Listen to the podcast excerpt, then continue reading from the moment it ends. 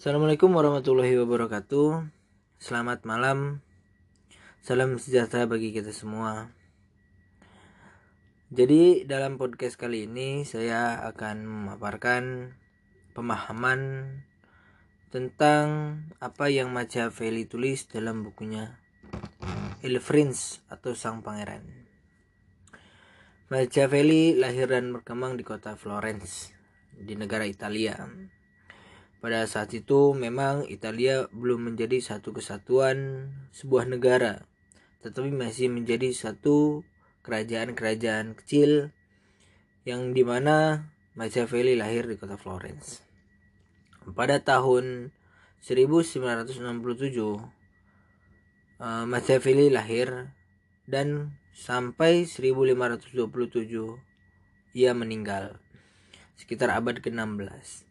Dalam karangannya, Machiavelli banyak mengajarkan bagaimana politik itu bekerja, bagaimana mempertahankan kekuasaan, bagaimana mendapatkan kekuasaan.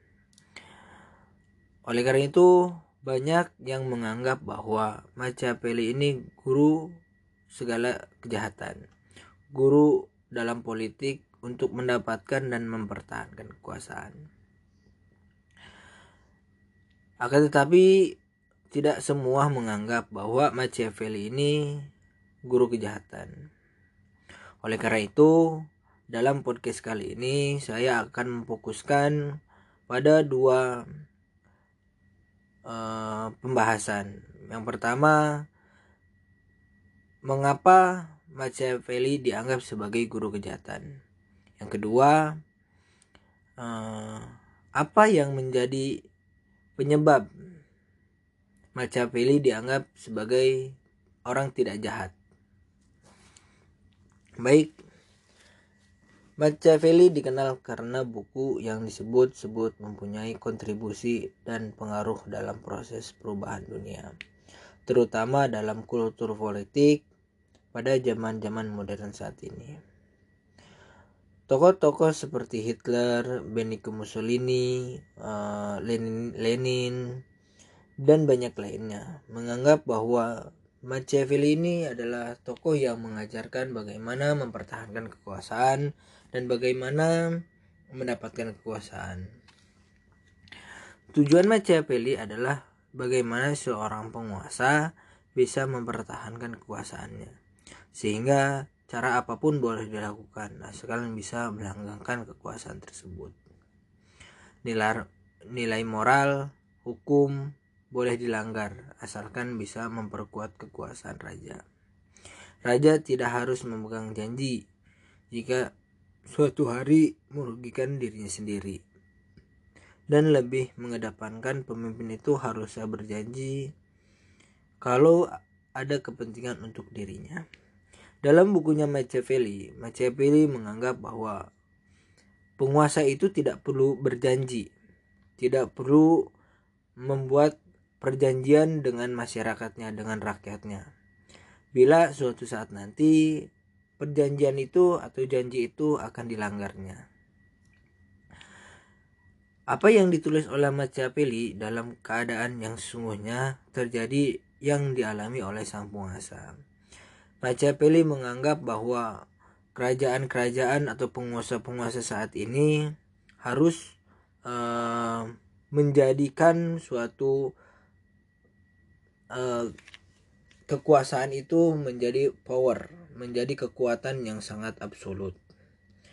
Dalam bab ke-15, Machiavelli menjelaskan tentang etika sang penguasa dalam menjalankan kekuasaan.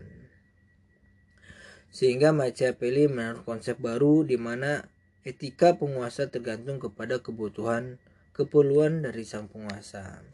Etika Machiavelli tidak menganggap bahwa etika ini perlu dalam kekuasaan makanya uh, hanya ada sekitar satu bab atau lebih Machiavelli menjelaskan tentang moralitas.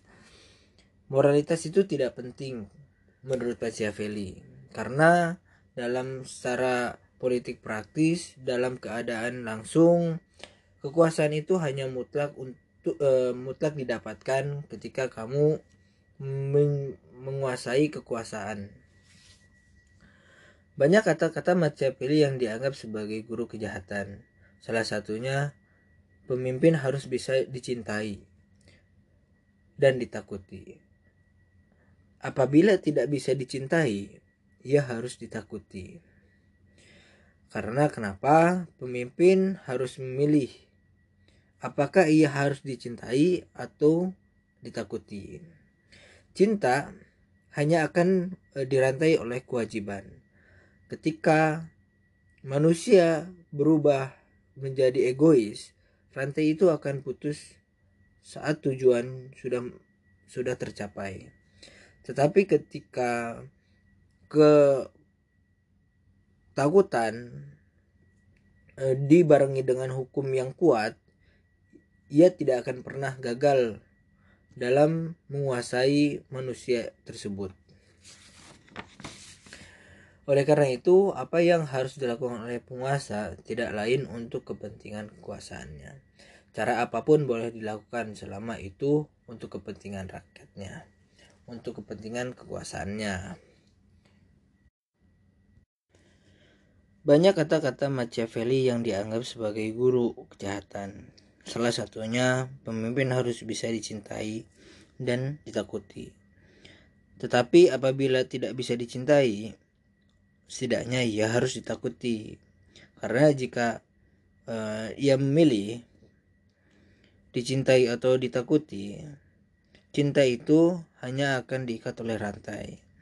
Ketika manusia sudah berubah menjadi egois, rantai itu akan diputus saat tujuannya sudah tercapai. Sehingga rasa takut yang dipelihara dengan seperangkat hukum yang kuat tidak akan pernah gagal untuk menguasai manusia itu tersebut. Oleh karena itu, apa yang harus dilakukan oleh penguasa tidak lain untuk kepentingan kekuasaannya. Cara apa pun boleh dilakukan selama itu untuk kepentingan kekuasaannya. Jika membunuh itu diperlukan, maka lakukan. Selama keluarga dan musuh masih melawan. Sehingga apa yang ditulis oleh Machiavelli dianggap sebagai guru kejahatan. Memang iya ada. Ketika kita uh, berada di ranah politik. Secara garis besar, selama kekuasaan itu belum dicapai, maka segala cara apa pun boleh dilakukan.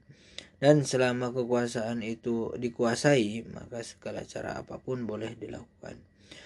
Tujuan yang terpenting, proses tidak penting dalam politik dan kekuasaan. Jadi pada intinya tujuan Machiavelli ini hanya untuk bagaimana meraih kekuasaan dan mempertahankan kekuasaan. Tujuan adalah hal utama. Caranya bagaimana? Mangga. Silahkan. Setiap orang mungkin punya cara, tetapi tujuannya pasti sama untuk menguasai dan mempertahankan kekuasaan.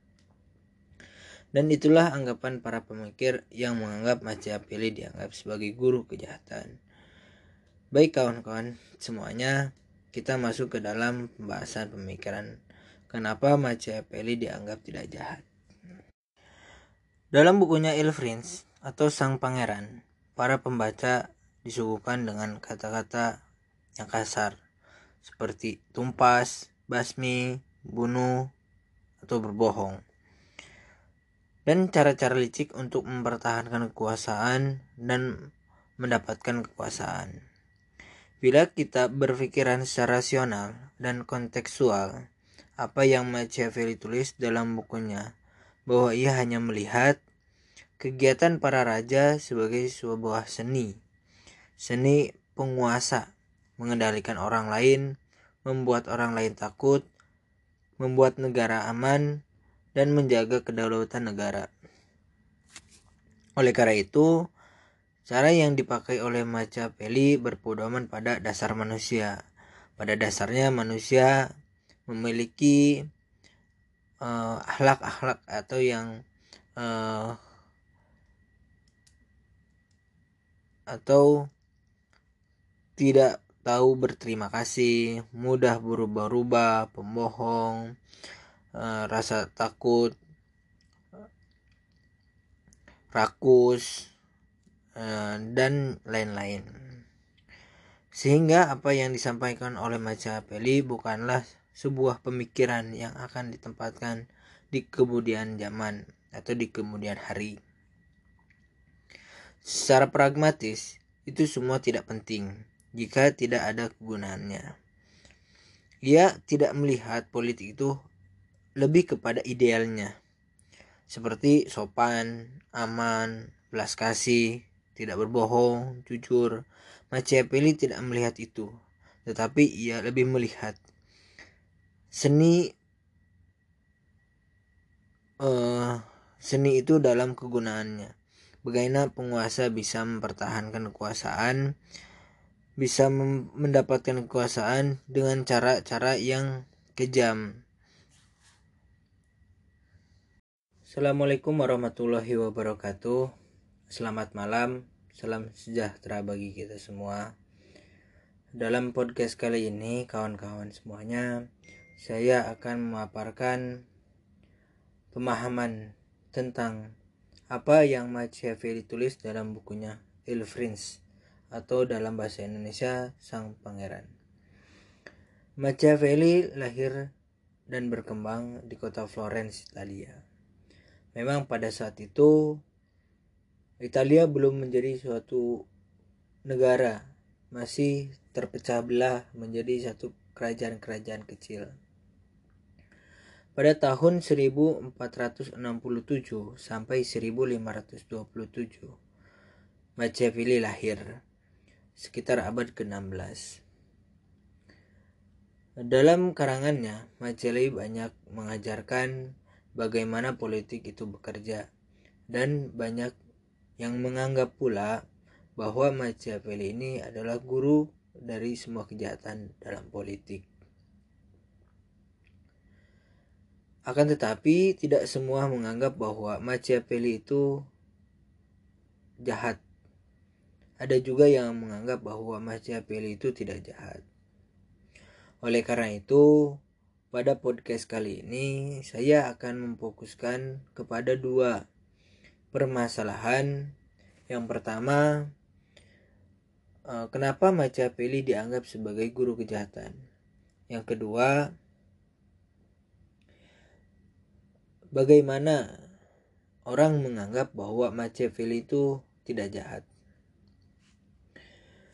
Baik, uh, nah dalam pembahasan kali ini saya akan mulai pada kenapa Machiavelli dianggap sebagai guru kejahatan.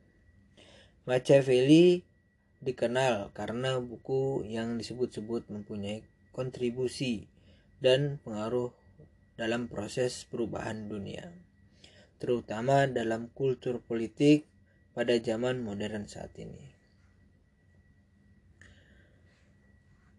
Tokoh-tokoh seperti Hitler, Benito Mussolini, Lenin, dan masih banyak lainnya menganggap bahwa uh, Machiavelli adalah guru yang sangat luar biasa yang mengajarkan bahwa mempertahankan dan mendapatkan kekuasaan itu dengan berbagai cara, baik dengan kejaman, dengan invasi, dengan membunuh orang, dan lain cara lain dan lain-lainnya. Tujuan Machiavelli adalah bagaimana seorang penguasa bisa mempertahankan kekuasaannya, sehingga cara apa pun boleh dilakukan, asalkan bisa melanggengkan eh, kekuasaan yang lama. Nilai moral hukum boleh dilanggar asalkan bisa memperkuat kekuasaan raja. Raja tidak harus memegang janji jika suatu hari akan merugikan dirinya pribadi. Dan lebih mengedap, mengedepankan pemimpin itu harusnya berjanji kalau ada kepentingan untuk dirinya. Jadi Machiavelli lebih mengedepankan pemimpin itu ketika ia berjanji ia mempunyai suatu kepentingan di dalamnya. Ketika ia tidak memiliki kepentingan, tidak usah berjanji.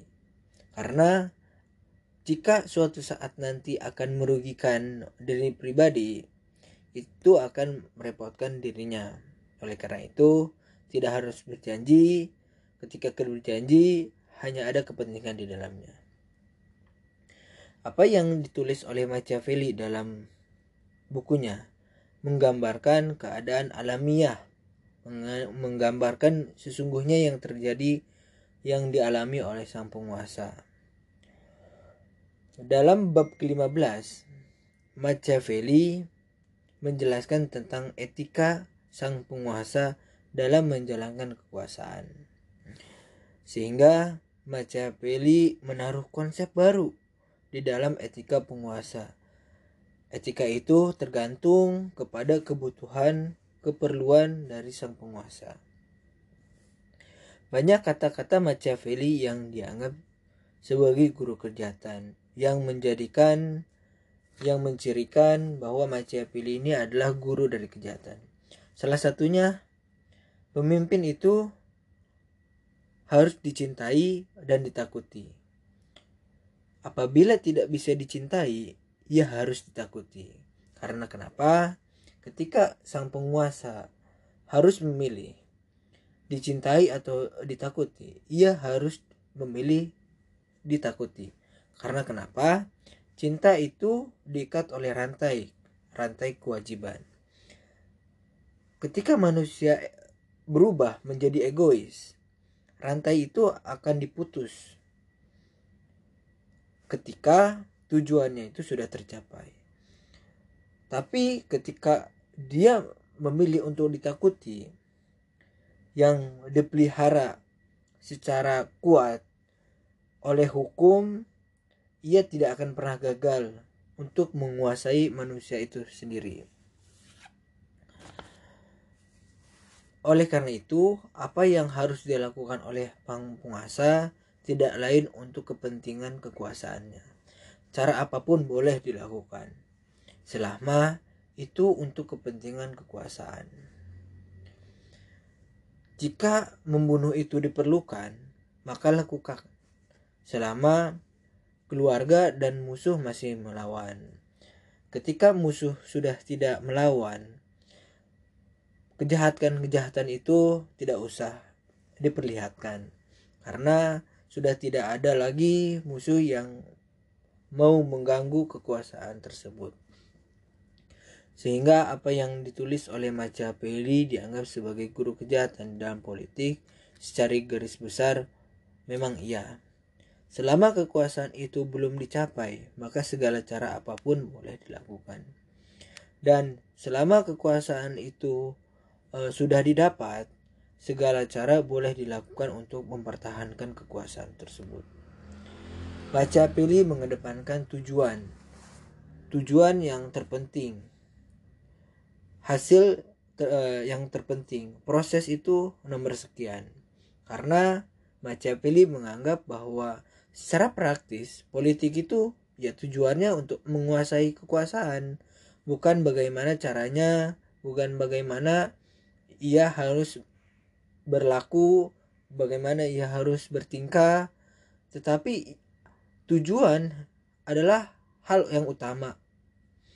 Jadi, kenapa banyak orang yang menganggap bahwa Machiavelli ini guru kejahatan? Adalah karena banyak mengajarkan bahwa politik itu kejam, bahwa politik itu syarat akan pembunuhan, tetapi kalau misalkan dipikirkan dengan e, kontekstual dengan secara praktis, nah Machiavelli itu menganggap bahwa ini adalah sebuah tujuan dalam politik untuk menguasai dan mempertahankan kekuasaan.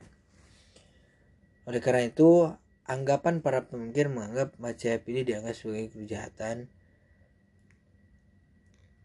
adalah bagi kalangan pemikir seperti itu mungkin iya. Tetapi ada juga yang berpikiran bahwa itu tidak.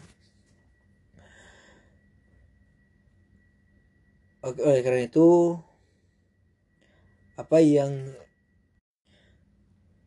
dan itulah anggapan para pemikir yang menganggap Machiavelli dianggap sebagai guru kejahatan. Baik kawan-kawan semuanya, kita masuk ke dalam pembahasan pemikiran kenapa Machiavelli dianggap tidak jahat. Dalam buku Il Prince atau Sang, Pang, Sang Pangeran, para pembaca disuguhkan dengan kata-kata yang kasar seperti tumpas, basmi, bunuh, atau berbohong. Dan cara-cara licik untuk mempertahankan kekuasaan dan mendapatkan kekuasaan. Bila kita hmm, berpikiran secara rasional dan kontekstual, apa yang Machiavelli tulis itu bukannya bahwa ia hanya melihat kegiatan para raja sebagai sebuah seni, seni penguasa mengendalikan orang lain, membuat orang lain takut, membuat negara negaranya aman dan menjaga kedaulatan negara. Oleh karena itu, Cara yang dipakai oleh Machiavelli berpedoman pada eh, dasar eh, dasar manusia. Dasar manusia tidak tahu betapa hmm, berterima kasih, mudah berubah-ubah, pembohong, dan rakus terhadap kekuasaan. Sehingga apa yang disampaikan oleh Machiavelli bukanlah sebuah pemikiran yang akan diterapkan di kemudian zaman. Secara progresif, secara prog pragmatis itu semua tidak penting jika tidak ada kegunaannya.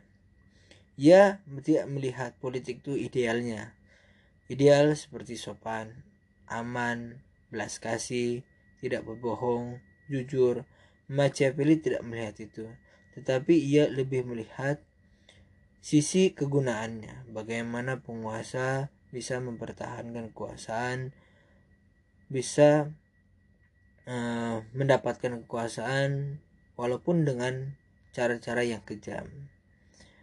Oleh karena itu, bagi para pemikir yang menganggap bahwa Machiavelli itu tidak jahat adalah ia lebih melihat raja-raja itu sebagai seni.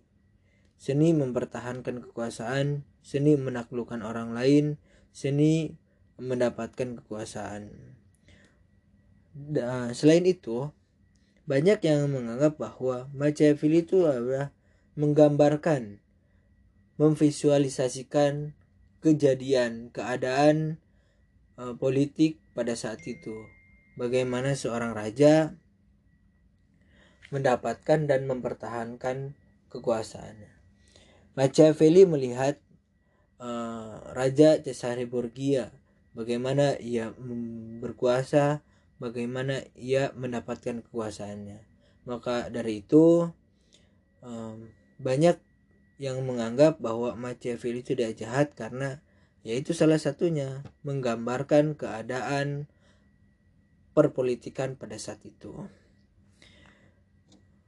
Hmm, baik eh, dengan keterbatasan waktu Semoga apa yang saya sampaikan bisa menambah wawasan dan pengetahuan untuk kawan-kawan semuanya. Saya ucapkan terima kasih, mohon maaf apabila ada kesalahan. Wabillahi taufiq wal hidayah. Wassalamualaikum warahmatullahi wabarakatuh.